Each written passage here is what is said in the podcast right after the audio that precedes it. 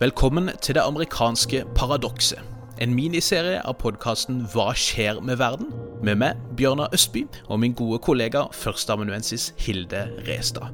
I det amerikanske paradokset så skal vi bli kjent med sentrale historiske og politiske utviklinger som har gjort USA til det landet det er i dag. Og i denne sjette episoden skal det handle om stemmeundertrykkelse.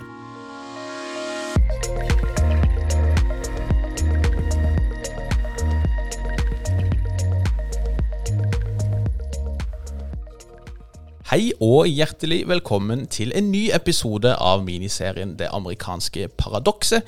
Denne serien av podkasten Hva skjer med verden? i samarbeid med Hilde Restad.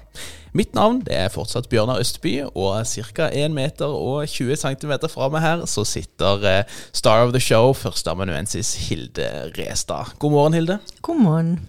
Vi er inne i vår sjette episode allerede, faktisk. Det går unna. Det går veldig unna, og vi vet ennå ikke hvor det stopper heller. Så det blir spennende å se hvor vår endestasjon faktisk er. Advarsel, vi drar dere med lenger og lenger. Ja, dere vet ikke hva dere har bitt dere ut på her, dere som følger oss. Vi skal ta for oss et veldig spennende og dagsaktuelt tema, men et tema med en viss tradisjon også. Eh, episoden har vi kalt 'Stemmerett og urett', og det skal primært handle om denne stolte amerikanske tradisjonen, får vi si, stemmeundertrykkelse. Dette er jo noe som vi eh, hører ganske mye om i media for tida. Det er frykt for at dette vil slå ut nå som vi står oppe i et presidentvalg. Men i denne episoden så skal vi prøve å zoome ut litt, og Hilde skal lære oss om hvordan både stemmerett og stemmeurett har prega amerikansk historie. Hvilke triks man, man, har for å undertrykke stemmeretten til amerikanske borgere. Og, og, også litt hvordan de forskjellige partiene vurderer denne problematikken, og kommer til ganske forskjellige konklusjoner den dag i dag. Ja, det er liksom eh, Som vanlig så er kanskje ting litt mer komplisert enn det de eh, ser ut som på overflaten. Mm. Fordi nå, akkurat når vi spiller inn denne podkasten, så er valget i USA i 2020 i gang. Og det har eh, begynt å Det er en del delstater som har begynt med forhåndsstemming. Så for eksempel så har vi sett veldig lange køer for å få lov til å forhåndsstemme i delstater som Georgia. Mm. Veldig lange køer, får vi si. Jeg har sett noen av de sett noen av de filmene der, og det er jo eh, Det er ikke bare 100 meter lange køer, for å si det sånn. Det er Nei, nå så jeg at det var en del som hadde stått uh, i kø mellom 6 og 11 timer for å få lov til å forhåndsstemme. Ja. Det er med vilje. Ja. Det er designa. Uh, og det er egentlig det vi skal snakke om i dag. Fordi at, mm. ikke sant, Bjørnar, hva må du gjøre for å stemme i Norge? Ganske lite, egentlig. Hun får jo gjerne en, en stemmeseddel, og så er det jo eh, Kan jeg gå ned på Sankthanshaugen her eh, like ved jobb og, og, legge igjen en liten stemme der? Og så eh, Ja, det er interessant. Det er mange ting som er interessant med det du sa. For det første så har ikke du måttet registrert deg sjøl som velger. Nei. Og du må ikke be om å få tilsendt en valgseddel for å få lov til å forhåndsstemme, som nei, sikkert nei. er det du gjorde. Mm, mm. Og du får lov til å stemme i en annen bydel enn der du bor. Allerede der så har vi lista en rekke ting som ikke nødvendigvis er tilfellet i alle amerikanske delstater. Og så tenker kanskje ikke vi over hvor, hvor mange hindringer som har blitt fjerna for mm. oss i Norge. Altså at, og det er fordi at eh, i Norge så ønsker staten at flest mulig skal stemme. Mm. Og så er vi da der i USA at det nødvendigvis ikke stemmer Nei. i USA. Nei. Det stemmer nødvendigvis ikke for begge partiene. Og fordi at eh, det vi har snakka om tidligere, er jo at sant, i USA så er valg um, alltid delstatene sitt ansvar. Mm, så det er egentlig veldig mange valg som foregår under et såkalt presidentvalg, da. Ja, mm. ikke sant. Og da er du i den situasjonen at det er veldig mange forskjellige regler i hver delstat. Eh, og at det kan være avhengig av hvem som har flertallet i delstatsforsamlinga, mm. hvilket parti, eh, som kan avgjøre hvor lett eller vanskelig man ønsker å gjøre det å stemme. Ja, nemlig. Og det, ikke sant, En av de tingene man ofte påpeker med USA, er jo at å, amerikanerne tror at de bor i verdens fremste demokrati, men så klarer de ikke å ha noe høy valgdeltakelse. -hmm. I 2016 så lå USA på 26.-plass i valgdeltakelse blant 32 OECD-land. Okay, It's not great. Nei, nei, nei, Men det er ikke nødvendigvis for at amerikanerne er apatiske eller uh, ikke bryr seg. Uh, altså, tenk at En av grunnene en av de tingene som kan forklare den lave valgdeltakelsen, er de mange praktiske hindringene som en rekke delstater legger i veien for å stemme. Mm. Det er kanskje rett og slett ønska at tallene skal være ganske lave fra visse hold. da. Det, har, og det, det er jo det vi skal snakke om i denne episoden. Gjennom amerikansk historie så har det vært ikke det samme partiet, det har vært ulike partier, men det har vært en konstant eh, et konstant forsøk på å dempe valgdeltakelsen. Eller forhindre valgdeltakelse i det hele tatt ved å ikke gjøre at det er lov å stemme hvis du tilhører en viss gruppe. ikke sant? Eh, det her har vært en konstant prosess i amerikansk historie. Eh, og derfor, um, for det første så tenker jeg at det er egentlig ikke riktig å si at USA hadde universell stemmerett før i 1965. Ok, interessant. Og det er ganske seint. Ja, det får vi si. Og kanskje vi skal gjøre som vi alltid gjør, og gå, gå tilbake til eh, begynnelsen, holdt på å si. Spole tilbake og så se litt før vi går til stemmeurett, holdt på å si. Se hvordan stemmeretten har utviklet seg over tid i, i Uniten. Blir du overraska hvis jeg sier vi skal tilbake til 1780-tallet? Jeg har lyst til å si ja, men eh, nei. altså, i, det, som er, det man hele tida skal huske på, det her er jo det amerikanske paradokset. Som er den røde tråden i podkasten og eventuelt boka, hvis den noen gang blir gitt ut. er at um, det har vært et sånt eh, et liberalt håp, en slags lovnad om at USA er mer demokratisk og mer liberalt enn en Europa. Men på bakken så utspiller det seg ofte ganske annerledes. Um, det første valget, presidentvalget i USA, det var i 1789. Spoiler alert, da vant George Washington. Unnskyld hvis jeg ødelegger spenninga for dere nå. Men da var det jo bare hvite, protestantiske, mannlige landeiere over 21 år som fikk lov å være velgere. Så var jo det gjerne mer liberalt enn de fleste land i Europa. Men det var fortsatt ikke så mange i USA som faktisk fikk lov til å stemme. Og så, eh, vi skal alltid huske på hva, hva, er universet av, av dem som får lov til å stemme, ikke sant? Fordi at i 1860, da Abraham Lincoln ble valgt, som vi vet er et veldig viktig presidentvalg, fordi det var egentlig det som utløste borgerkrigen, så var det 81,8% valgdeltakelse, som er veldig høyt. Mm. Faktisk det høyeste i amerikansk historie, men 81,8 av hva da? Ja, just. Right? Um, så vi skal snakke litt om hvem er det som har fått lov til å være med i den gruppa. Eh, og igjen så kommer vi tilbake til det her med føderalisme, for det har ikke vært noen føderal standard. I Grunnloven så Nei. tok de ikke hensyn til eh, Eller de ønska ikke å si noe om hvem som skulle ha stemmerett, så det var opp til hver delstat. Ikke sant, ja. Og da har du masse forskjellige praksiser. Eh, det var Den sånn standarden som gikk igjen i, i delstatene, var gjerne at du måtte eie eiendom, du måtte være hvit, du måtte være 20, over 21 år. Det er først i, i 1971 for øvrig at, du kan, at grensa blir satt til 18 år Ok, med det 26. grunnlovstillegg. Men så det her eh, betydde da at eh, vi ser at det, er, det handler om hudfarge, det handler om kjønn, og det handler om religion, og, og eh, ja, da gjerne at det var viktig å være protestant. For eksempel i Maryland, så hvis du var jødisk, så fikk du ikke lov å stemme før i 1828. Nei. Og det var jo, så hadde det vært en føderal standard, hadde grunnlovsfedrene blitt enige, så kunne jo det sett annerledes ut. Men det var altså da opp til hver delstat å bestemme det her. Ja, ja. Og så har du en rekke utviklinger eh, som går på i en viss grad å liberalisere hvem som har stemmerett. Eh, eksempel, eh, USA eh, kjempa jo en enorm krig på 1840-tallet for å ta over halve Mexico. Det er jo en krig vi ikke hører så mye om, eh, utrolig nok, Ja. egentlig. som eh, endte opp med Det er det man kjenner som Sørvesten i dag. Det var jo til, tilhørte jo før Mexico. Ja. Men fredsslutninga der da i 1848 eh, i Guadalupe Hidalgo, det ga jo da statsborgerskap til alle meksikanere som bodde i de områdene som USA nå hadde overtatt. Som egentlig da i teorien var sant, å utvide stemmeretten til Ja. mange meksikanske menn. Men i praksis så klarte man å innskrenke den praktiske muligheten til å bruke den stemmeretten. Skjønner ikke. Bruk av trusler, eh, krav om engelskkunnskaper. Ja, Ikke sant? Ja. classic. Mm. Eh, og i 1856 så ble North Carolina den siste delstaten som fjerna kravet om å eie eiendom.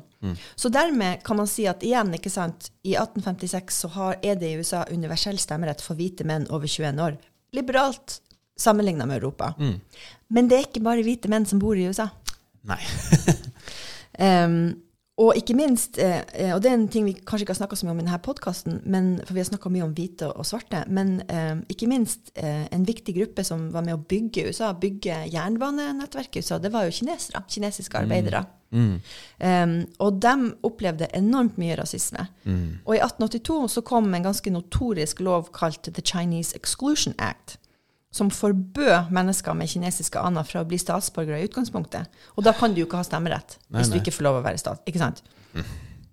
Eh, og det ble bare verre med tid. I 1922 eh, så vedtok Høyesterett at mennesker med japanske aner heller ikke kunne bli statsborgere. Og vi vet jo at på vestkysten av USA sant, så er det jo masse kinesiske innvandrere. Mm. Eh, mens i 1943, som var under andre verdenskrig, da Kina var en alliert av USA, da vedtok Kongressen at kinesiske innvandrere kunne bli statsborgere, og dermed oppnå stemmerett. Men det var først i 1952 at Kongressen vedtok at mennesker med asiatiske aner generelt kunne bli statsborgere, og dermed få lov å stemme. Så det, altså den amerikanske historien om, mm. om, utvidelsen av stemmeretten er jo egentlig en sånn sørgelig marsj gjennom enormt mye diskriminering. Mm, mm. Og da snakker vi bare om menn. Ja.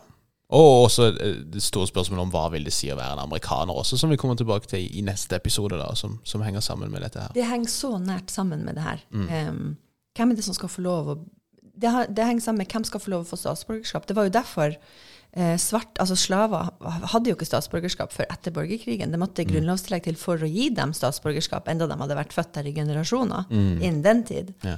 Eh, og det er jo inngangsbilletten til å få stemmerett. Mm. At, er jo gjerne at du er statsborger, da. Eh, når det kommer til kvinnelig stemmerett, så, så, alle husker, har sikkert fått med seg at eh, eh USA For de hadde et 100-årsjubileum i 2020. Eh, at det var i 1920 at, at uh, kvinner fikk stemmerett. Men da er det viktig å ha med en liten asterisk der. For det var jo eh, generell kvinnelig stemmerett som ble vedtatt, men i praksis så var det bare hvite ja. kvinnfolk som da egentlig kunne gå og, og, og, og stemme. Og så syns jeg det er fint å ha med en, en liten eh, historie, fordi um, Og for øvrig anbefaling for alle som ikke har sett eh, HBO-miniserien John Adams. Mm -hmm. Så anbefales den på det, på det, varmeste.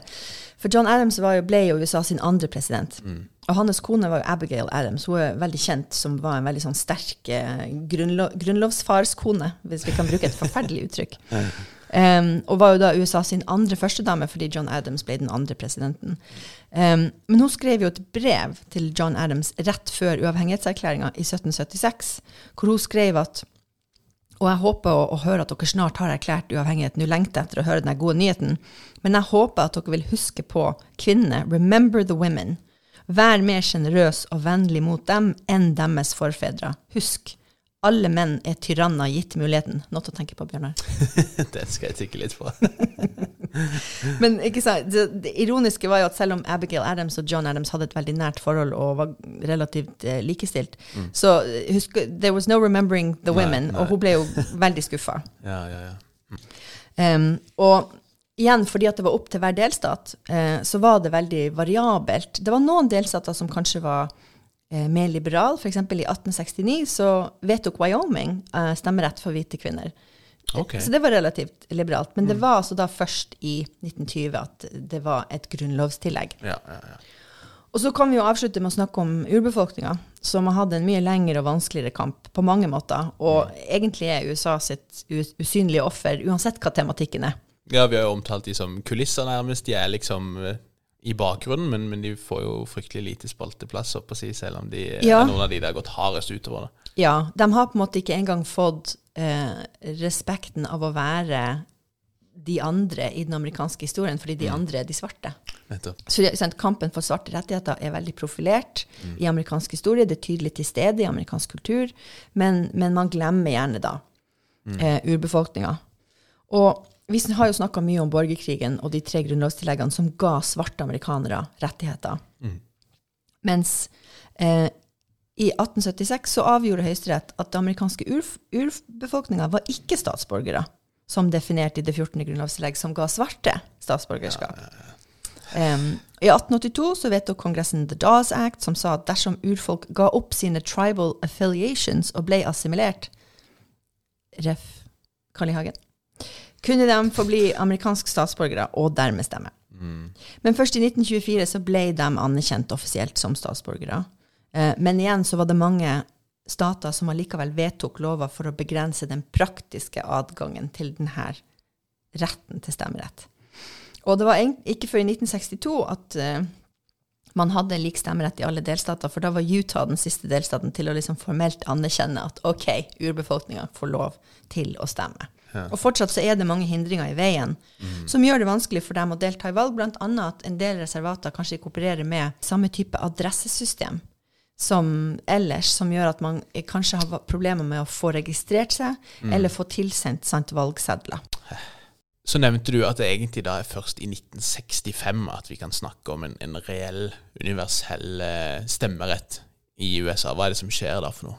I 1965 så vedtar Kongressen eh, valgloven, The Voting Rights Act, som er en del av eh, borgerrettighetsæraen, som består av um, The Civil Rights Act i 1964, valgloven i 1965 og det 24. grunnlovstillegg som spesifikt forbyr innkrevning av noen form for betaling eller skatt i forbindelse med føderale valg. Og vi skal snakke litt om hva som fører til det her, og hva det har ført til. Ja. Fordi i 1870 får svarte menn stemmerett med det 15. grunnlovstillegg. Og da forbyr eh, USA delstater å frarøve statsborgere deres stemmerett på bakgrunn av rase, hudfarge, eller det at man tidligere har vært slave eller tjener. Previous condition of servitude. For menn. Men det her grunnlovstillegget eh, er ikke så veldig sånn spesifikt. Og det, etter hvert så er det mange delstater, særlig i sørstatene, da, som eh, på en måte kan supplere sine delstatsgrunnlover med kreative måter å hindre stemmeretten på. Det har vi snakka om før. At man kan innføre eh, poll tax, stemmeskattloven, som sier at du må betale en eller annen sum for å få lov til å stemme dersom din bestefar ikke hadde stemmerett. Who's that directed at, do you think? Um, For et opplegg, altså. Og så var det også veldig kjent eh, problem var at en del sørstater hadde literacy test, som ikke handla egentlig om at, det at du skulle måtte bevise at du kunne lese og skrive, men at du fikk en sånn elaborate spørsmål om Grunnloven, og hva står det i den paragrafen, da. Ting som egentlig ingen kunne svare på. Og det her var et problem, ikke på, bare på 1800-tallet, det var et problem helt frem til valgloven i eh, 1965. For eksempel, et eksempel, i 1956 så kommer det en veteran, en svart veteran tilbake fra Koreakrigen, eh, skal forsøke å registrere seg som velger i North Carolina etter at han har tjent sitt land i en krig. Han, må da, han utsettes for en sånn veldig komplisert literacy test, hvor han må svare på masse spørsmål om amerikansk historie og det, detaljer i Grunnloven.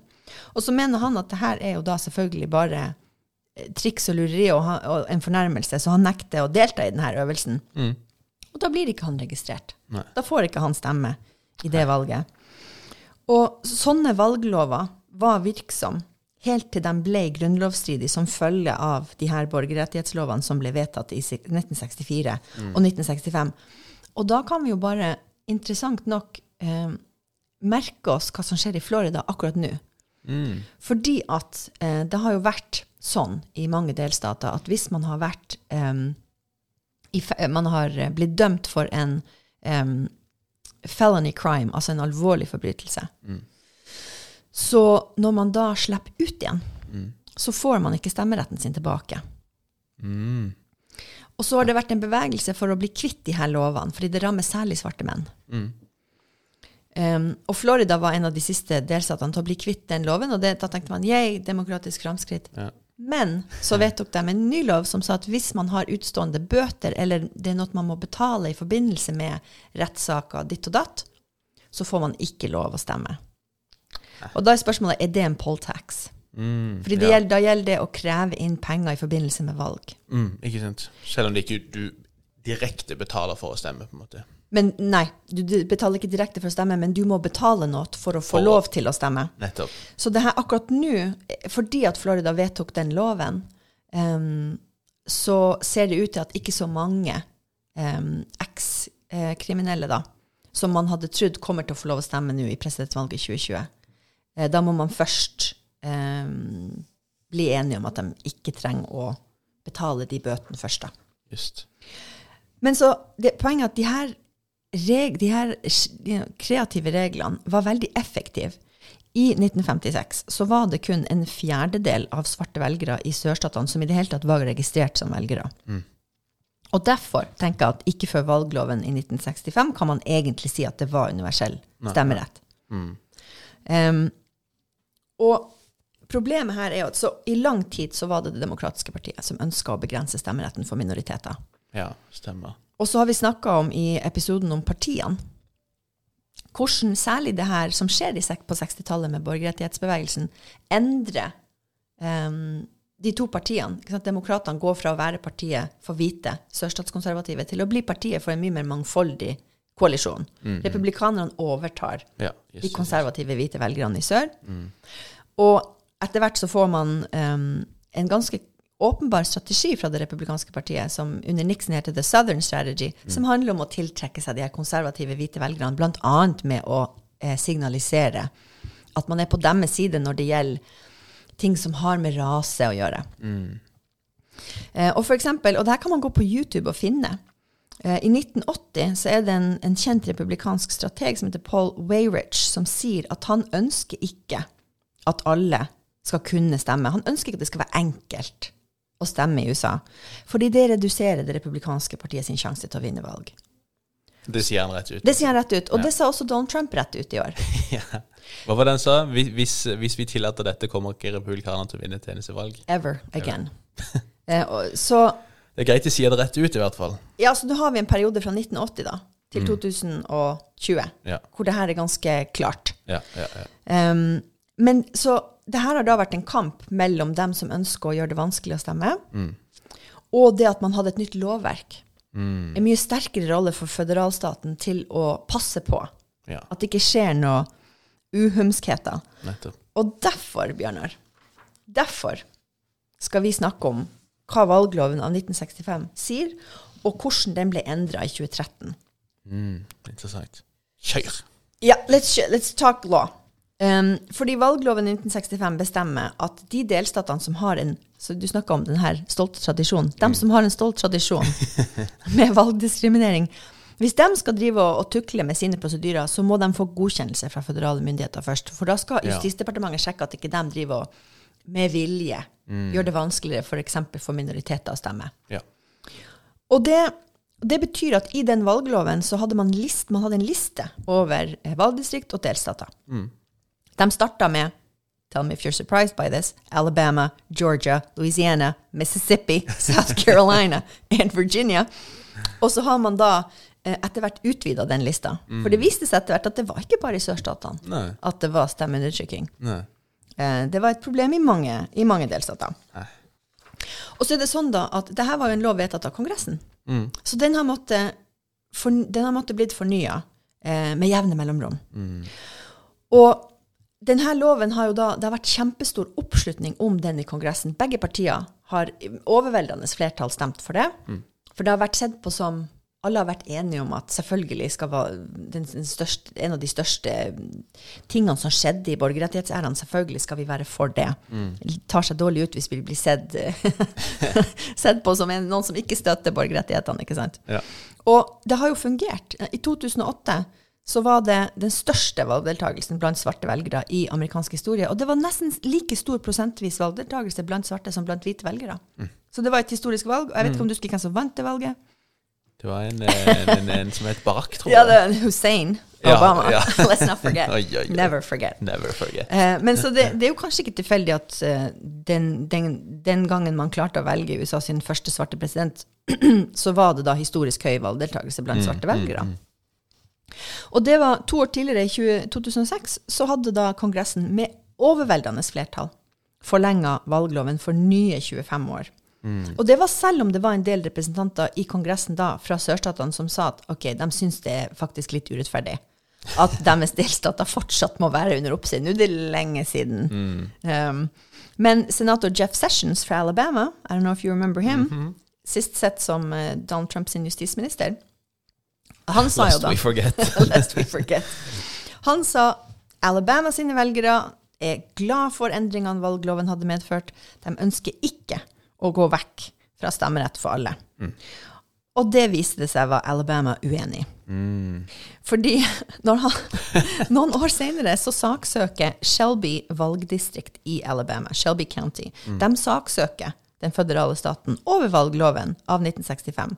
Og sier at denne, denne seksjonen som de, definerer hvilke delstater og valgdistrikter som skal listes opp, den er grunnlovsstridig.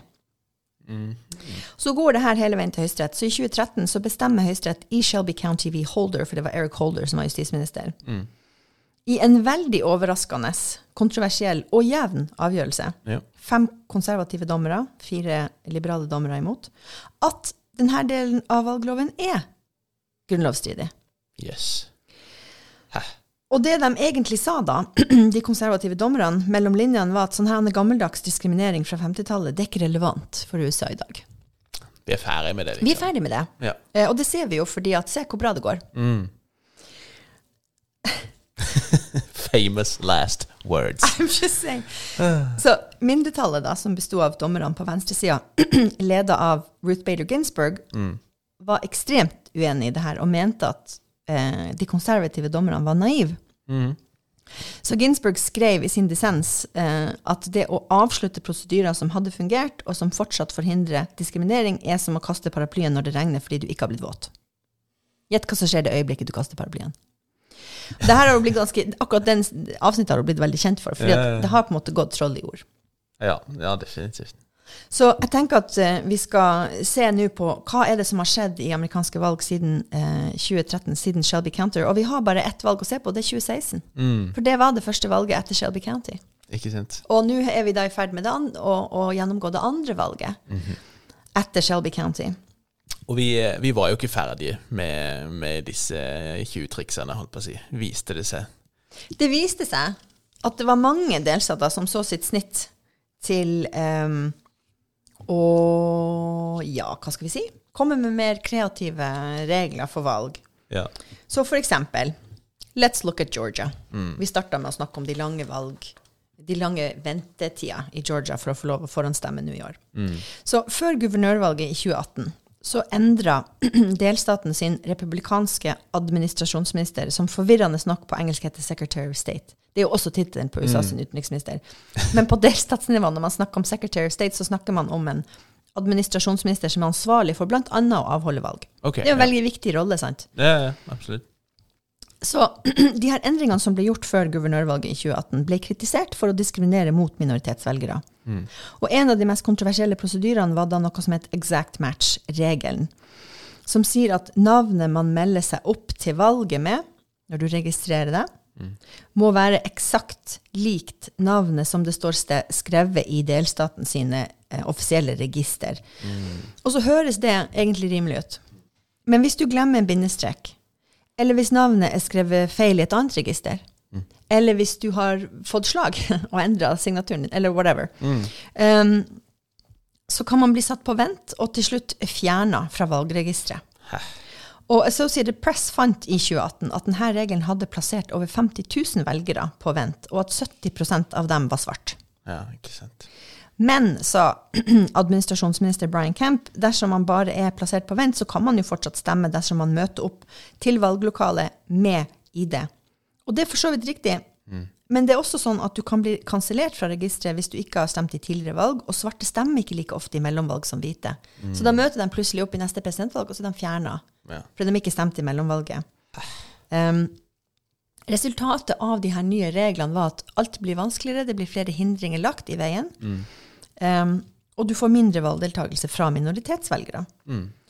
Og så var det jo en ting til som gjorde at det var grunn til å være skeptisk til hva administrasjonsminister Brian Kemp gjorde med valgprosedyrene, og det var jo at det var samme Brian Kemp som stilte for republikanerne i det guvernørvalget og vant mot Stacey Abrams.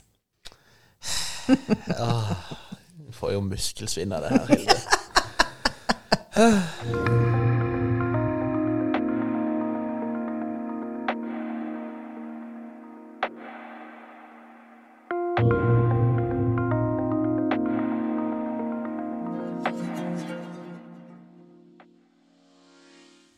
Tilbake til konsekvensene av Shelby County.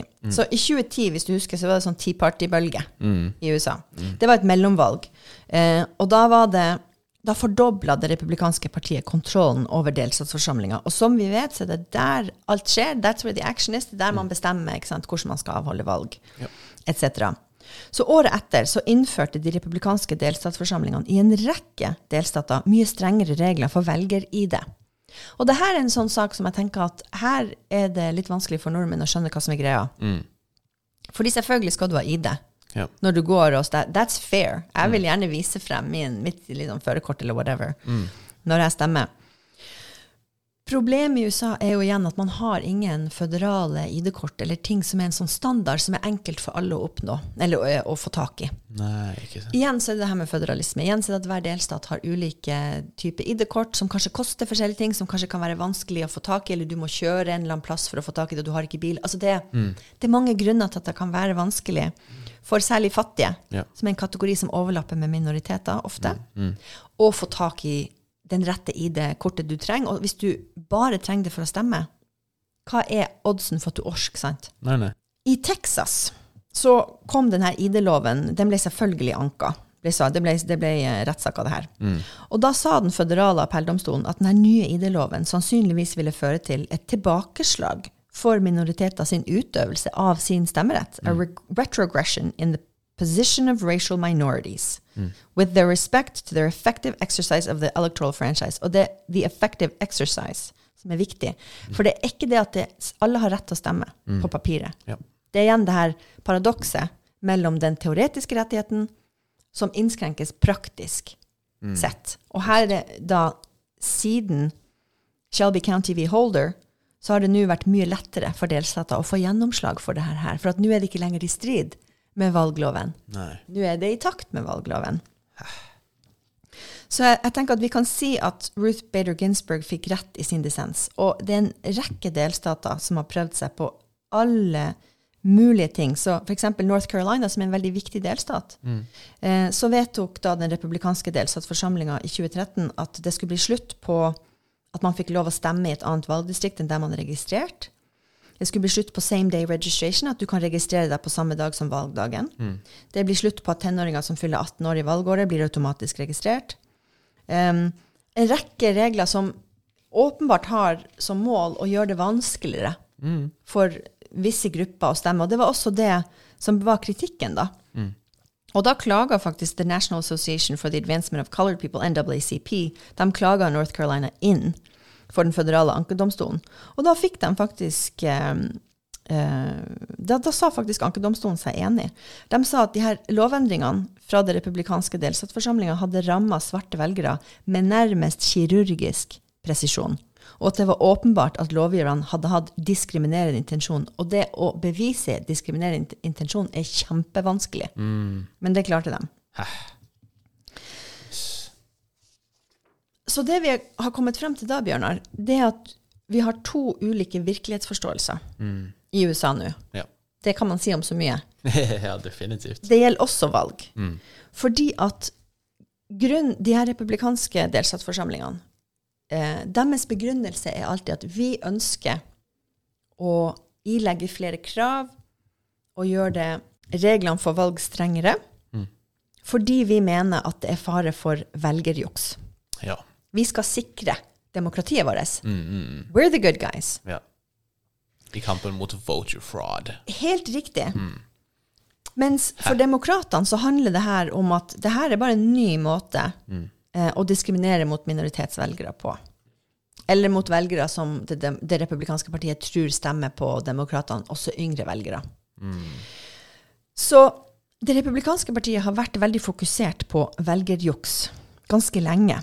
Eh, eksempel i 2000, da vant jo til slutt George W. Bush. Men han hadde jo ikke fått like mange stemmer som Al Gore, som vi har snakka om tidligere. Og da hevda partiet at en av grunnene til det var velgerjuks. Ja. Så det George W. Bush gjorde um, da han ble innsatt, var at han nedsatte en, en kommisjon som skulle undersøke velgerjuks. Og det, gjorde, det tok dem fem år. Ok, såpass. Og de fant nesten ingenting. Nei. De konkluderte med at velgerjuks, som da på engelsk blir in person voter fraud, altså at noen utgir seg for å være noen man ikke er, ikke sant? At det er ikke et reelt problem. Nei, nei, nei. Hæ. Og igjen, da Barack Obama vant presidentvalget i 2008, så hevda det mange republikanere som hevda at det var pga. velgerjuks. Ja, go Nå er, det, figure. ja, nå er det masse velgere som har stemt som ikke for, egentlig burde stemt. Mm. Og året etter at Obama vant, så fant um, et demokratisk meningsmålingsinstitutt som heter Public Policy Polling, at 52% av republikanere, altså et flertall av republikanere, trodde at um, en organisasjon som heter Acorn, hadde rett og slett tilrana Obama presidentembetet. At seieren ikke var legitim. Og det er fordi at Acorn, som står for Association of Community Organizers for Reform Now, er grasrotorganisasjoner som eh, registrerer velgere, særlig i fattige strøk. Og det var da suspekt. Ja, for det, sånn kan det jo ikke være. At fattige Nei. får stemme, liksom. Men anklagen var nok at um, Acorn registrerte velgere som ikke hadde stemmerett. Mhm. Um, men det, er, ikke- det er ikke noe bevis for det her. ikke sant? Nei, nei. Men ideen er at uh, Barack Obama kunne ikke Det var ikke mulig at han ble valgt på legitimt sett, og at det var utbredt velgerjuks. Mhm. Selv om George W. Bush konkluderte med at det er ikke et reelt problem. Nettopp. Og da Donald Trump ble president, så nedsatte han også en kommisjon som skulle undersøke velgerjuks, fordi han sa jo at den eneste grunnen til at Hillary Clinton hadde vunnet nesten tre millioner mer stemmer enn han, det var velgerjuks. Ja. Og han, hadde, han nedsatte en kommisjon. De møttes to ganger, produserte ingen rapport. Har ikke hørt noe fra dem siden. Men likevel så ser vi stadig vekk at han advarer mot eh, stemming via post, f.eks., for eksempel, fordi at dette visstnok er veldig sårbart for voter fraud med capslock og masse utropstegn. Ja, så det har vært et veldig um, klar strategi fra det republikanske partiet i år å prøve å delegitimere bruk av brevstemming ved å uh, fremme det her gamle argumentet om, om velgerjuks. Ja. Som da det ikke er noe belegg for. Og det er jo verdt å si igjen at det er da um, en del delstater som har hatt brevstemming i mange år, og som ikke har noen problemer med det. Nei. Men så det Dem som forsker på det her, mener jo da at det er ikke Problemet er ikke velgerjuks. Problemet er at regler som skal forhindre velgerjuks, har den konsekvensen at den demper valgdeltagelsen hos minoriteter. Og også yngre velgere, må det sies. Ja. Og mistanken hos demokratene er jo at det her er med vilje. ja, ikke sant. Det er ikke en uskyldig eh, konsekvens, Nei. bieffekt. Nei. Um, Nei, og de har da også to republikanere som har sagt rett ut at hvis vi ikke gjør dette og dette, så, så blir ingen republikanere valgt igjen. Så i april 2020 så sa Donald Trump at hvis du skulle tillate alle som ville å stemme via posten, så ville man aldri se en republikaner valgt igjen. You'd never have a Republican elected in this country again. Det, again så, så sier han liksom høyt det kanskje en, man ikke skal si høyt, nemlig at hvis, hvis, det, hvis alle fikk lov å stemme, så ville ikke republikanere vinne. Nei. Og da, da bekrefta jo han um, demokratene sin mistanke Ja, om at de er ikke bekymra for velgerjuks. De er bekymra for å tape hvis alle får lov å stemme. just. Og at, og at stemmeundertrykkelse basically er problemet her, da. Ja. Og så selvfølgelig da, så Trump er jo kjent for å si noe crazy, og så får han masse oppmerksomhet for det, og så modererer han seg bitte litt etterpå, sånn at liksom the record will show at han var ikke så crazy som alle trodde. Eh, så skrev han på Twitter i ettertid at ja, å sende inn valgseddelen sin via posten er en flott måte å stemme på for mange eldre, militære og andre som ikke kan møte opp i valglokalene på valgdagen. Og andre som stemmer republikansk. Ja. Men universell brevstemming, nei, det burde ikke være lov. Selv om han sjøl bruker brevstemming. It must be said. Hæ. But to be fair, han er jo eldre. Han er jo eldre. Um, Og lavinntekt, viser det seg. yeah. I hvert fall betaler lite skatt. Um, så problemet her, og det er jo på en måte et problem Trump da utgjør for det republikanske partiet på mange områder, er at han sier høyt det man har prøvd å ikke si høyt tidligere. Eh, og for å opprettholde plausible deniability om at det her handler om velgejuks, så må du ikke si høyt at du er redd for at alle skal stemme, for da taper du. Just. Men, men her er han da, her kan vi trekke en tråd fra Paul Weyrich i 1980 til Donald Trump i 2020. Igjen så er ikke dette her egentlig noe sånn kjempenytt. Ikke noe nytt som Trump har innført. Nei det, sånn. er, nei, det er ikke det. Igjen så ser vi at eh, pro, eh, årsaken til problemet er ikke Trump. Trump er en symptom Ja. på et større problem. som for dem som hørte på episoden om polarisering, eh, hørte meg argumentere for at problemet er jo at det republikanske partiet er i ferd med å bli et illiberalt parti. Mm. Eh, og det er en utvikling som har gått over en del tiår nå. Og da, da, får du sånne konsekvenser som at man aktivt driver på med stemmeundertrykking. Mm. Mm. Eh, og det, for dem som følger med på valget i 2020, så er det jo veldig masse å følge med på. Det er et historisk antall søksmål på gang akkurat nå. Ja, ikke sant, ja. Som i hovedsak går på at um, ulike republikanske delstatsforsamlinger forsøker å innskrenke et eller annet, og så er det da Det demokratiske partiet i den delstaten, eller uh, Joe Bidens presidentvalgkamp, som har hyrt inn en så enormt mange advokater og jurister som går til søksmål for å prøve å få stoppa det her før valgdagen. ja, ja, ja. Det pågår søksmål i jeg tror alle vippestatene. Ok. Eh, som har å gjøre med eh, ID, og, eller hvor mange dager man kan telle stemmer, eller når man skal Altså, det er så mye som skjer akkurat nå. Hvis man følger Mark Elias på Twitter, han er en av eh, toppjuristene til, til Biden-kampanjen, så hver dag så rapporterer han fra de ulike rettssakene som pågår. Det, det, det er rettsdrama i eh, liksom, Det er sånn reality-rettsdrama Ja. som pågår hver eneste dag nå. Og dessverre så ser man at eh, konsekvens er det det ene partiet som forsøker å gjøre det vanskeligere å stemme, og det andre partiet som forsøker å gjøre det lettere å stemme. Mm, mm.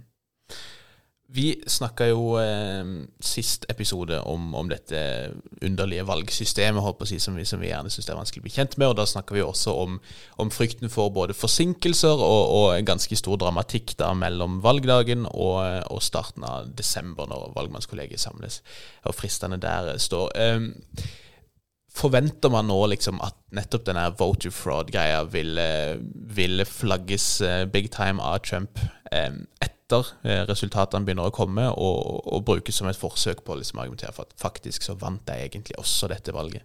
Det vil jo være i tråd med det han har gjort så langt. Mm.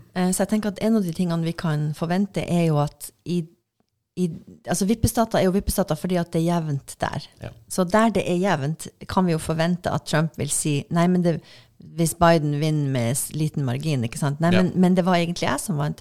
Her har det vært voter fraud. Mm, mm. Vi kan ikke telle de stemmene, eller der, det, det der funker ikke, eller det her må vi kaste ut, eller altså, ikke sant. Mm, mm. Um, og dessverre så ser vi også at uh, Donald Trump uh, bruker fake news og propaganda og rapporterer ting som ikke er riktig, og prøver å spre misinformasjon. Ja. Uh, og sånn sett så kan vi vel bare forvente at det kommer til å øke, og at han kommer til å em, argumentere for at det har skjedd velgerfusk i en eller annen viktig delstat, selv om det kanskje ikke er noe tegn på at det har skjedd. Nei, nei. Så det, det her er jo en farlig og ustabil situasjon. Mm. Ikke minst fordi at han oppfordrer høyreekstreme grupperinger til å møte opp på valgdagen som valglokale observatører. Det har vi sett i ganske mange andre land, hvor det er Irak eller India eller andre. og Det pleier ikke å bli veldig pent, altså. En, en, enda en grunn til at Det demokratiske partiet oppfordrer sine velgere til å stemme før valgdagen, så de slipper å møte de her menneskene. Ja, ikke sant. Eh, Men det er ikke alle delstater som har forhåndsstemming, Nettopp. som vi snakka om i forrige episode. Uff, a meg. Eh, Helt avslutningsvis, vi har jo snakka om noen av disse statene der vi allerede ser liksom konturene av, av Eller i hvert fall ser mulige resultater av stemmeundertrykkelse. Er det noen stater som du tenker våre lyttere bør, bør følge spesielt nøye med på nå eh, frem mot eh, valget, der vi kanskje bør være obs liksom, på, på at disse tingene kan komme til uttrykk? Ja, det, altså det, det er spennende å følge alle delstatene som har republikanske delstatsforsamlinger. Eller- og administrasjonsministre, og hva de finner på. Ja. Eller guvernører. Og det er, veldig, det er spennende å følge med på Texas okay. akkurat nå. Texas er kanskje i ferd med å bli en vippestat. Det er ikke helt sikkert. Nei. Det kan nok ligge litt frem i tid. Men der er det mye på gang, fordi at den republikanske guvernøren ser at her er det veldig mange eh, nye velgere som er interessert i å stemme Det demokratiske partiet, og har eh, igangsatt eh, en rekke interessante tiltak, som f.eks. at det skal være én sånn dropbox hvor du kan eh, droppe stemmeseddelen din oppi i, i et sånt enormt territorium hvor du kanskje må kjøre i fem timer for å liksom komme til den dropboxen. Det er selvfølgelig et søksmål på gang Ja, ja, ja. eh, når det gjelder det. Men det, altså, hver delstat har et eller annet kreativt på gang. Mm.